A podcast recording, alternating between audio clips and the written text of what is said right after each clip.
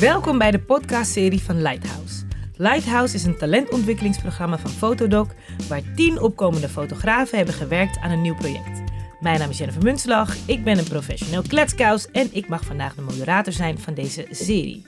Deze aflevering gaan we in gesprek met documentaire fotograaf Naomi Koek.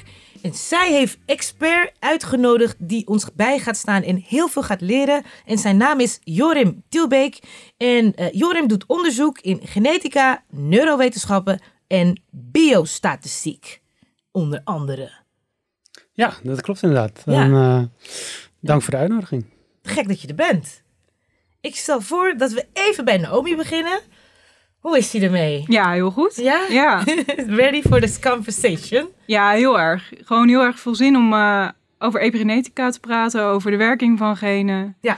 Overdragen van trauma's, dat is een beetje mijn vakgebied uh, aan het worden. Aan het worden. En daar gaan wij het vandaag over hebben. Want we gaan het inderdaad hebben over criminologie en het overdragen van genen. Daar zit dus een link in. Ja. Jij weet daarvan, Jorim nog meer. En wij gaan er mee, nou ja, mee aan de slag. Ja, precies. Maar eerst wil ik even beginnen bij jou uh, als fotograaf. Kan je ons een klein beetje vertellen, uh, wie ben jij als fotograaf, als maker, als documentaire fotograaf? Nou, als maker ben ik heel erg op zoek naar um, raakvlakken in de politiek, maatschappelijke thema's. Uh, om dat visueel eigenlijk naar buiten te brengen. Uh, dus ik kijk uh, naar mijn eigen familiegeschiedenis, uh, hoe dat tot stand is gekomen. Um, ik heb ook mijn eigen familiegeschiedenis soort van ontrafeld in een eerder project, mm -hmm. de Himo of Erde. Ja. En ja, daar is eigenlijk allemaal een beetje mee begonnen. Die fascinatie over ja, de politiek, hoe dat samenwerkt. Um, hoe dat met de biologie samenwerkt. Kan je ons een klein beetje vertellen over dat onderzoek inderdaad dat ja. je hebt gedaan in der Himmel, in der Himmel auf Erden?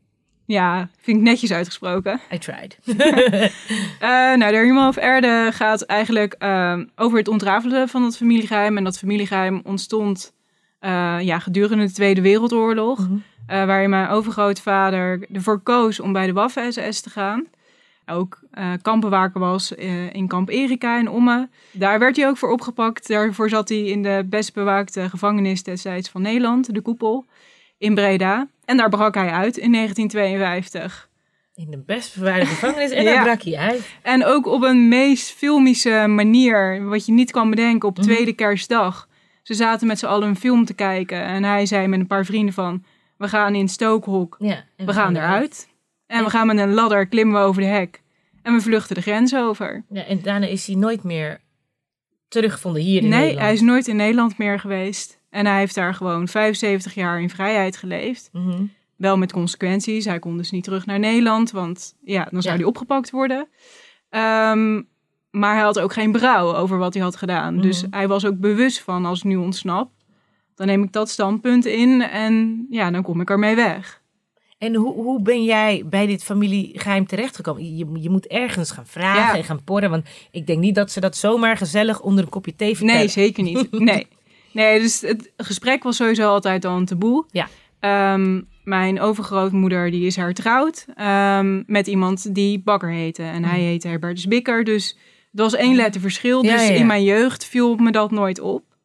Ehm, en toen op een gegeven moment, toen ik een jaar of 12, 13 was, toen heeft mijn oma gezegd van ja, maar mijn vader is eigenlijk niet mijn echte vader. Mm. En, maar die zit in Duitsland. En op een gegeven moment ben ik dat gewoon meteen gaan googlen.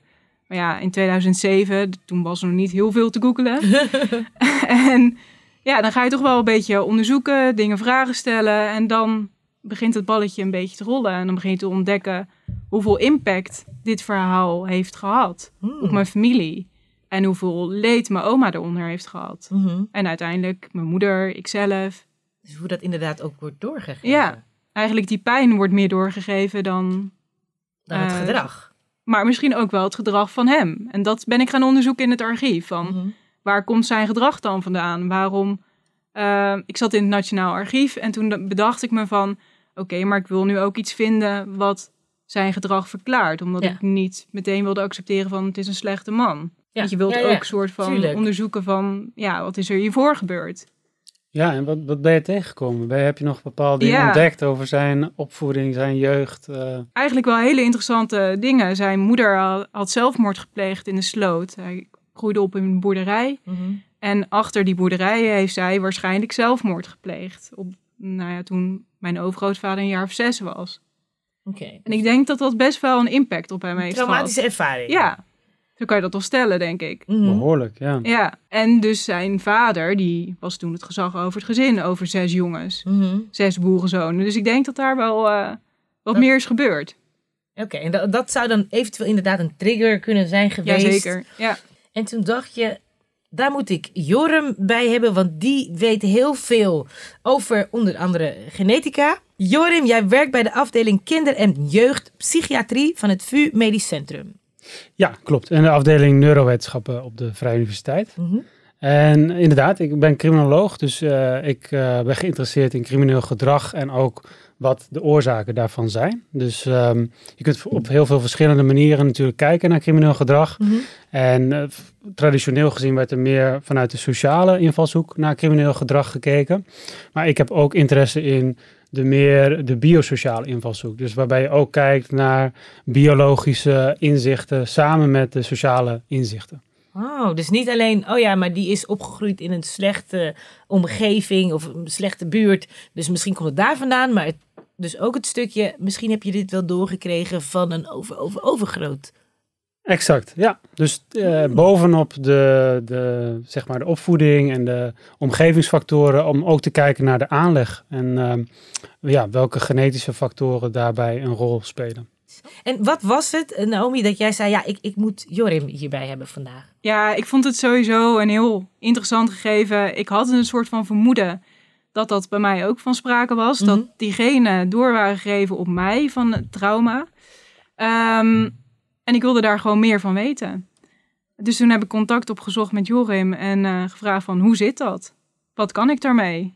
Ja, en Jorim dacht meteen, ja, weet ik alles van? Of, Nou, ik dacht meer, wat een boeiende casus. Eh, heel Ja. interessant dat eh, Naomi zeg maar terug is gegaan in, nou ja, naar haar eh overgrootvader en ja, wat, wat, wat hij op zijn kerfstok heeft. Om te kijken van, hoe kan het eh, nou ja, dat hij tot dat gedrag is gekomen en zit er dan nog ergens...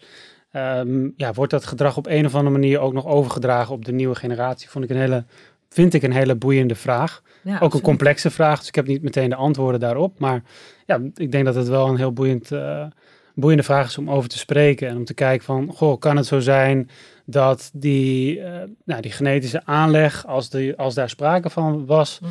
bij, ehm, bij haar overgrootvader, of dat op een of andere manier toch nog heeft doorgewerkt in, ehm, ja, in, in, in de, haar kinderen, kleinkinderen, et cetera. Eh, wat ik daarbij meteen denk ik wil opmerken is dat eh, de kans dat, dat dat soort gedragingen rechtstreeks worden overgedragen op een nieuwe generatie vrij klein zijn. Hè, dus bijvoorbeeld als je kijkt naar eh, schizofrenie, als, als een van je ouders schizofrenie heeft, dan heeft slechts, nou ja, slechts, het is wel een grote kans, maar dan heb je 10%, dus een 10% kans dat een van je kinderen ook schizofreen is. Oké, ja. Dus, en, en, en schizofrenie is dan een wat erfelijkere aandoening dan eh, zeg maar de erfelijkheid van, van crimineel gedrag, waarbij toch de sociale factoren veel belangrijker zijn. Mhm. Ehm, maar dat zegt al iets over, nou ja, goed, je, deelt, je krijgt natuurlijk 50% genen van, van je ouders, maar van je grootouders dan 25% en van je overgrootouders 12,5%. Ja. Dus qua genetische overdracht valt dat op zich ook wel mee. En ja, eh, de vraag is ook natuurlijk of er in dit geval, als ik tenminste onderweg in hierheen in de auto bedacht ik me van ja, de context waarin die criminaliteit heeft plaatsgevonden was natuurlijk vrij uniek ja. tijdens ja, de ja. Tweede Wereldoorlog. En Ja. nou ja, dat, dat, dat is een, een omstandigheid, een, een context die zich eh, ja, normaal gesproken niet snel voordoet. Dus Dus die bepaalt ook nog een beetje het gedrag misschien juist, iemand. er moet wel de gelegenheid zijn Mhm. om dat tot dus eh, die gedragingen over te kunnen gaan. En wellicht als, eh, als je overgrootvader in de huidige tijd had geleefd, had hij zich misschien niet op een criminele manier of een agressieve, ja, antisociale manier gedragen. Mhm. Dus dat is, dat is altijd afhankelijk van de context waarin iemand ook eh, opgroeit. En Ja. ehm, de gelegenheid voor criminaliteit die zich aandient. Eh, Jorim, misschien bekijk het dan in de, inderdaad heel plat, maar hoe ga je inderdaad eh, op zoek naar, waar begin je met kijken of datgene door wordt gegeven, dat, dat, dat het crimineel gen, heeft het een naam? Nee, nee, absoluut niet. En uh, dat, dat is, uh, zeg maar, in de, in de media wordt het soms wel op die manier um, verteld. Alsof er bijvoorbeeld een warrior gene of een crimineel gen zou zijn. Maar het is veel complexer dan dat. Uh, sowieso kun je criminaliteit niet verklaren vanuit één gen of enkele genen. Mm -hmm. Omdat het een enorme complexe samenhang is van 22.000 genen. Die allemaal ja, met een bepaalde activiteit met elkaar in verhouding staan. Mm -hmm. En wat uiteindelijk tot, tot gedrag leidt. Dus, uh, de, maar wat je wel kunt doen is kijken op in, in een grote groep, dus op populatieniveau en een, een grotere groep mensen. Wat zijn nou, als je kijkt naar individuele verschillen in crimineel gedrag, of uh, wat kan verklaard worden vanuit genetische factoren en wat vanuit omgevingsfactoren. En daar kun je tweelingen, tweelingstudies voor gebruiken. Mm -hmm. Dat is eigenlijk een soort van natuurlijk experiment. Ja. Waarbij één eigen tweelingen 100% genetisch identiek zijn. En twee eigen tweelingen, net als broers en zussen, de helft van de genen delen. En als je dan ziet dat die één eigen tweeling meer op elkaar lijken, in de zin van criminaliteit, maar het kan ook zijn lengte, oogkleur, maakt niet uit welk, welke gedraging of welke uiterlijk kenmerk. Ja. Als, ze, als die één eigen tweeling meer op elkaar lijken, dan is dat een, een, een bewijs, zeg maar, een indicatie dat de genetische factoren een rol spelen.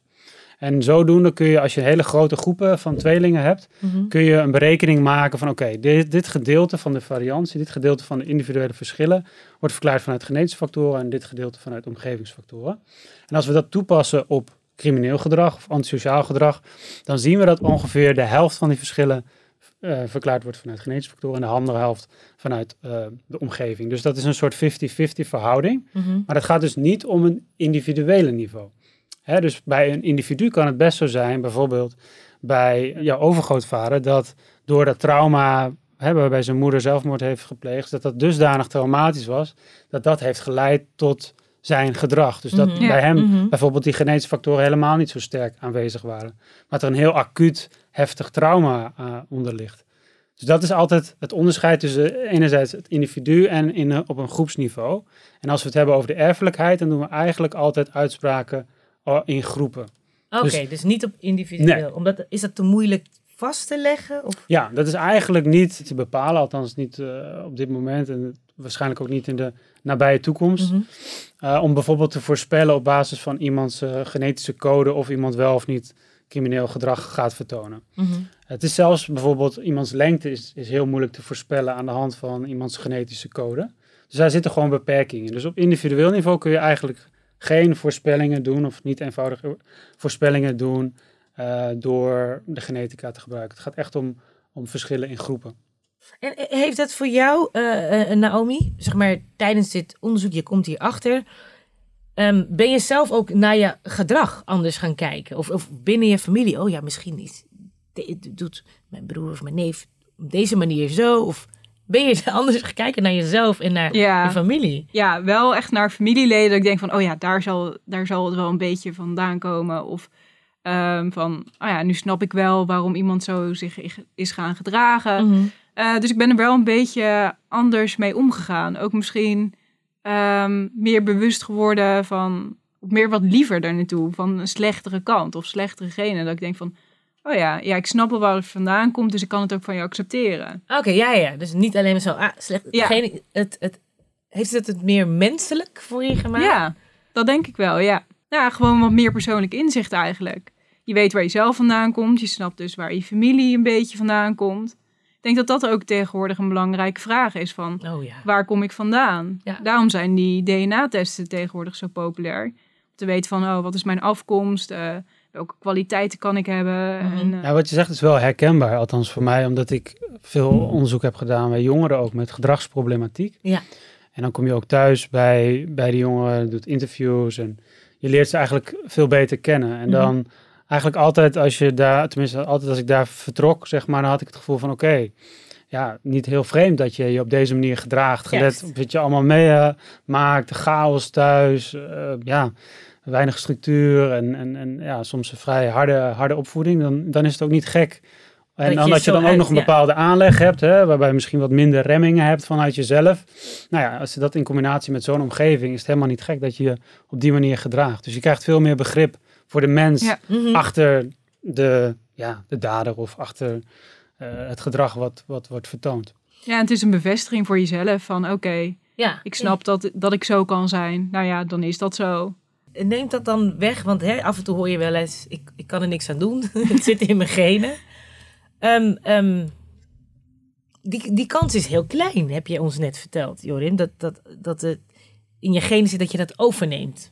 Ja, precies. Dus je moet het eigenlijk zien als een soort van graduele schaal. Mhm. hè? Dus bijvoorbeeld eh, als je het hebt over impulsiviteit, dat je Mhm. geneigd bent om stil te reageren op bepaalde prikkels. Ja. Nou, dat is wel iets waarvan waar je een aanleg voor kunt hebben. Dus bijvoorbeeld dat het frontale gedeelte van je brein net wat minder die remming heeft dan, eh, dan het gemiddelde, zeg maar, in de Nederlandse bevolking. Oké, het zo maar te zeggen. Ja. Dus, ah, nou ja, goed, da- dat soort factoren. Dus het is niet zozeer van criminaliteit zit in mijn genen. Mhm. Maar het- is wel zo, het kan een soort van. eh, het kan er wel toe bijdragen dat je sneller geneigd bent om ja, bepaalde criminele gedragingen te vertonen. Omdat je, zeg maar, je brein minder goed is toegerust om je te beschermen tegen die factoren. Ah, Dus het is nooit zwart-wit. nee, Maar nee, het, is, nee. het, is, het, is, het is wel, zeg maar. ehm, dus je zou dus nooit kunnen zeggen van, en dat is ook wel eens voorgekomen overigens in rechtszaken, waarbij men zegt, oké, eh, deze dader heeft deze, deze en dit gen. Mhm. En op basis daarvan moet er strafvermindering plaatsvinden. Hè? Dus je zou in plaats van tien jaar straf, heeft iemand bijvoorbeeld negen jaar straf Omdat gekregen. hij een bepaald gen heeft. Om, precies, omdat er bepaalde, zeg maar, biologen, omdat die een advocaat had aangevoerd dat er bepaalde biologische aanwijzingen eh, waren daarvoor. Maar de, de gedragsgenetici, zoals ik zelf, hebben daar heel duidelijk op gereageerd van jongens, dat is niet de bedoeling. Want we hebben helemaal niet die kennis. We kunnen dat helemaal niet op die manier zeggen. ja. Dus laten we dat als, alsjeblieft buiten de rechtszaak houden. Anders heb je want- allemaal rechtszaken waarvan iemand zegt, ja oké, maar, maar dat stukje kan ik niks aan doen, dus verminder maar mijn straf.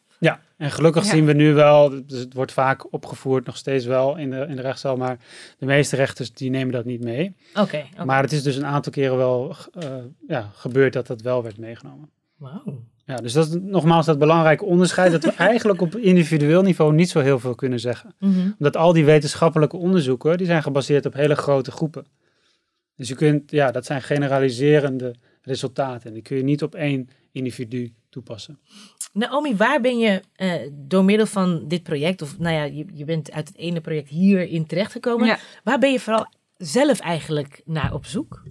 Ehm, ik denk toch wel dat ik naar op zoek ben naar een soort bevestiging van ehm, dat die trauma's toch wel enigszins zijn doorgegeven. Dus de Mhm. trauma's eh, die mijn oma heeft opgelopen na de Tweede Wereldoorlog, eh later worden door de vader. Ehm, maar ook de schaamte, de angst waarin zij heeft geleefd. Dat dat ergens in mijn achterhoofd of ergens in mijn karakter toch nog wel mee is gegeven. En ik denk dat het wel belangrijk is dat daar eh, onderzoek naar wordt gedaan. Eh, dat mensen bewust zijn met ja, hoe je met mensen omgaat, hoe, hoe trauma's verwerkt worden. Mhm. Of dat een verwerkt trauma misschien ook nog doorgegeven kan worden. Maar ik wil het nu juist uit een persoonlijk ja, inzicht zien. Eh, ik wil gewoon mijn eigen verhaal naar buiten kunnen brengen. En ik denk dat mijn verhaal natuurlijk ook heel erg uniek is. Want ja, wie heeft er nou een overgrootvader Ja, die uit de gevangenis ontsnapt en ja, eigenlijk gewoon een bekende Nederlander was.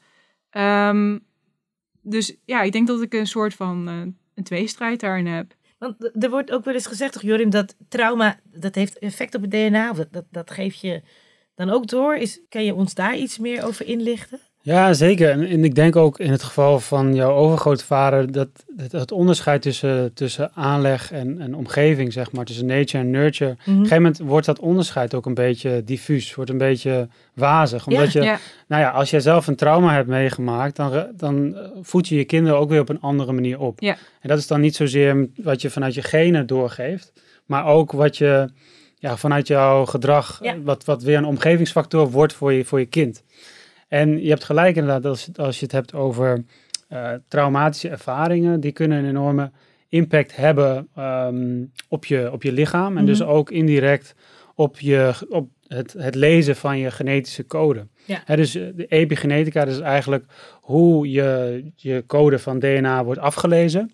En nou ja, dingen zo, zaken zoals roken, stress, trauma, die, dat heeft dan weer een impact op ehm, ja, hoe jouw DNA wordt afgelezen. Dus hoe de, de mate waarin die eiwitten, bouwstenen van het menselijk lichaam worden, worden aangemaakt. Een bijzonder voorbeeld is bijvoorbeeld, als je het hebt over de Tweede Wereldoorlog. Er waren natuurlijk aan het einde van die Tweede Wereldoorlog in 1944 was die honger, die heftige hongerwinter. Ja. Ja. Waarbij de, heel veel moeders die een kind hadden onder voet waren. En dan was het embryo had natuurlijk ook te weinig voedsel. En, en daarvan zie je dat die effecten eh, niet alleen op die kinderen zelf een doorwerking hebben, maar ook op de, eh, Kinderen de kinderen daar weer van. Ja. Dus daar bijvoorbeeld zie je, nou ja, als je tijdelijk ehm, moet omgaan met heel weinig voedsel, Mhm. dat je, daar, dat je metabolisme zich daarop aanpast. Omdat het lichaam denkt, hé, hey, wacht eens even, ik heb veel te weinig voedsel binnengekregen. Ik moet heel zuinig omgaan. Die gaat in een soort spaarstand. En wat dan uiteindelijk blijkt, is dat die kinderen van die moeders die tijdens die hongerwinter, eh, ja, zeg maar, zwanger waren, dat die een hogere kans hebben op obesitas. Omdat ze gewoon die regulering van voedsel, Ah.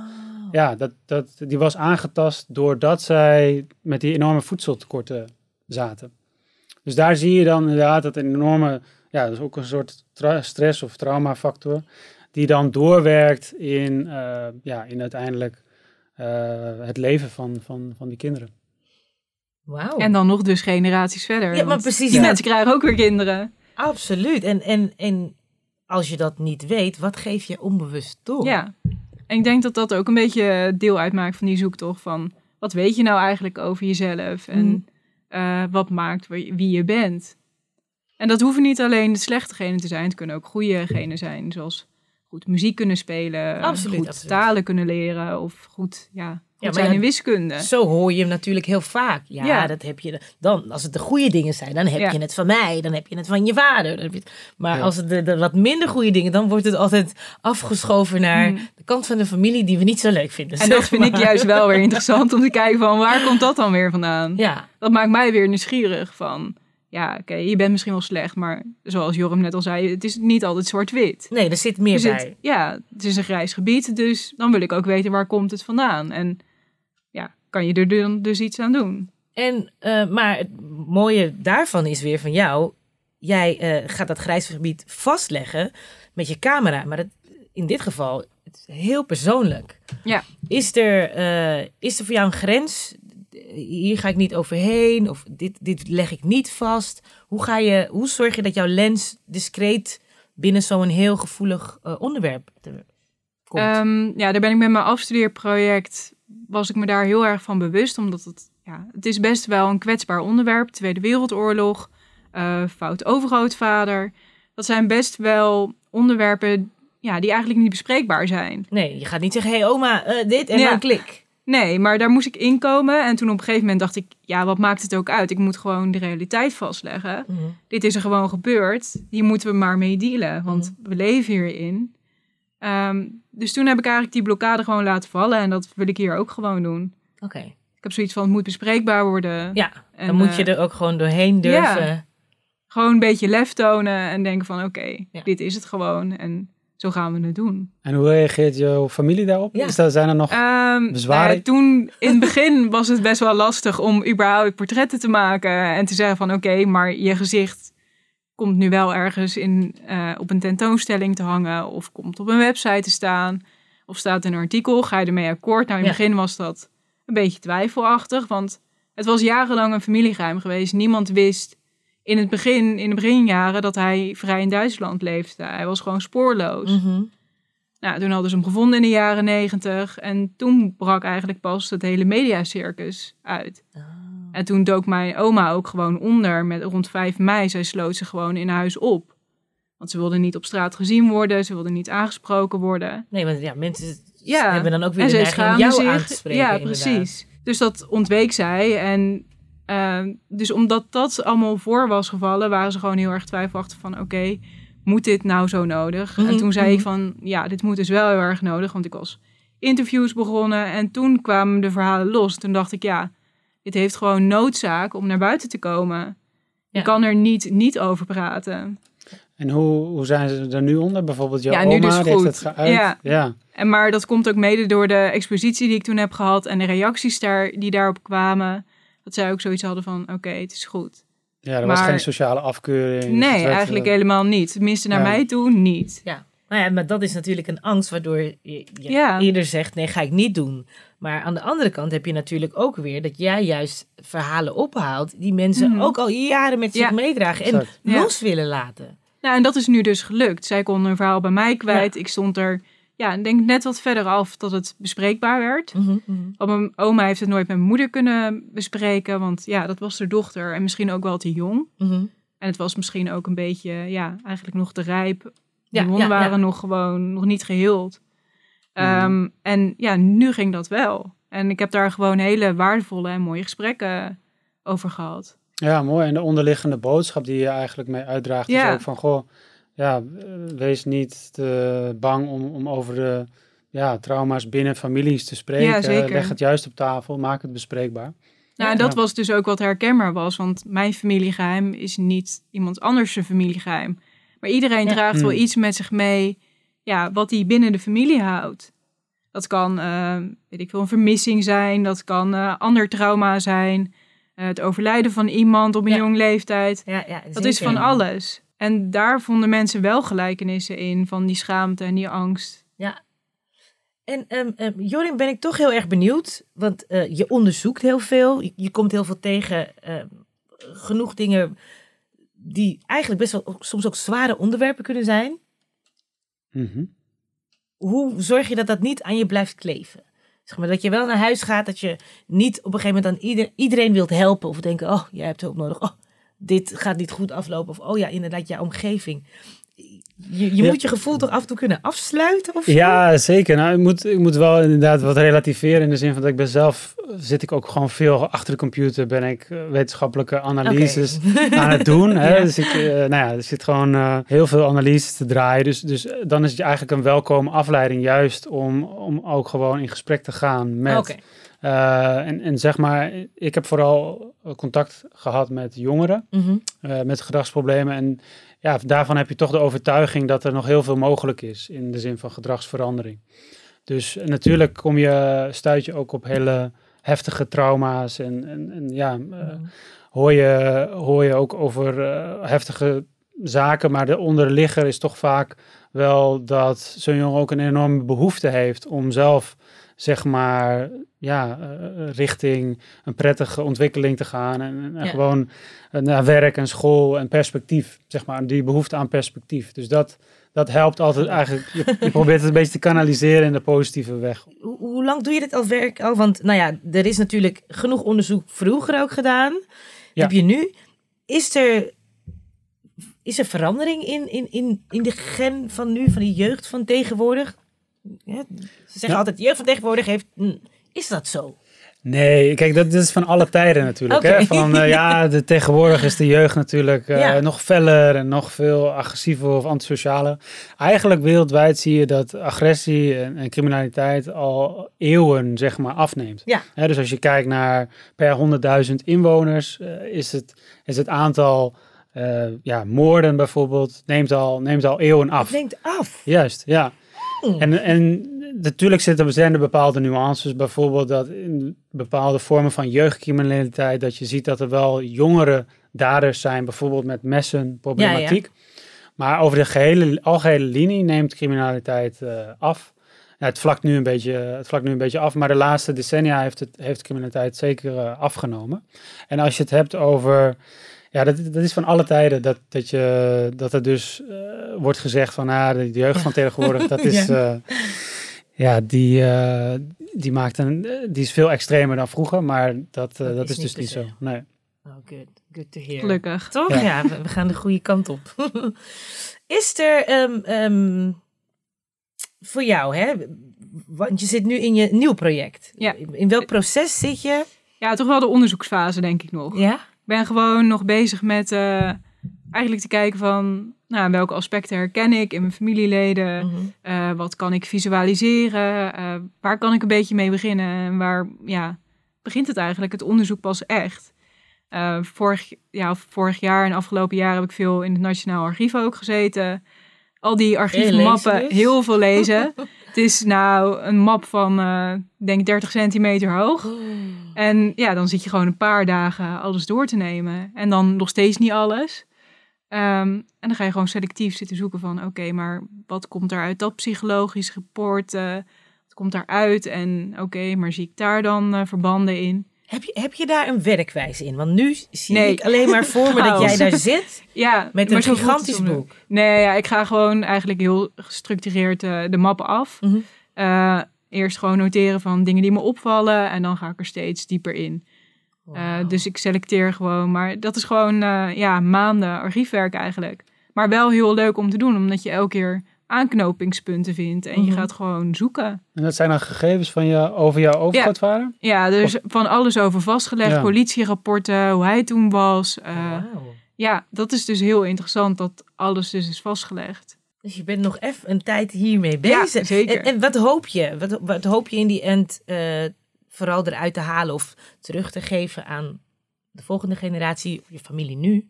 Nou, ik denk dat het ehm, denk meer bekendheid voor eh, werking van genen is. Ehm, ja, wat je al eerder zei, gewoon nadenken over waar je vandaan komt Mhm. eh, en wat dat betekent en ja, wat je dus met je meedraagt en wat je doorgeeft aan je kinderen.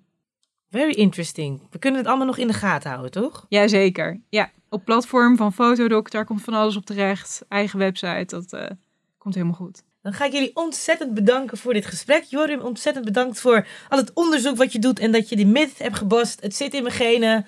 Ik, ik, ja, dat, dat- Nee, helaas, je kunt het niet zo zwart-wit. kan je eh, niet zo zwart-wit gebruiken. Je kan het proberen, maar... Je nee. krijgt een paar jaar strafvermindering, maar dat is je- het. Misschien dat. Als je geluk hebt. Hè? Als je een rechter hebt die, dat, eh, die zegt, oké prima, ik doe daaraan mee.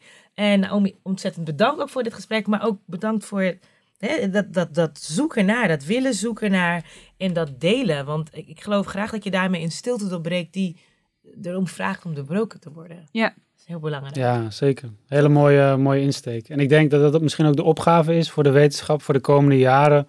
Om juist te kijken hoe kunnen we nou dat genetische onderzoek en dat omgevingsonderzoek, die sociale en die biologische factoren verenigen. En eh, zeg maar gezamenlijk eh, te, te bundelen om beter te begrijpen waar het gedrag vandaan komt. Ontzettend bedankt. En ook de luisteraars weer ontzettend bedankt voor het luisteren naar de podcastserie van Lighthouse.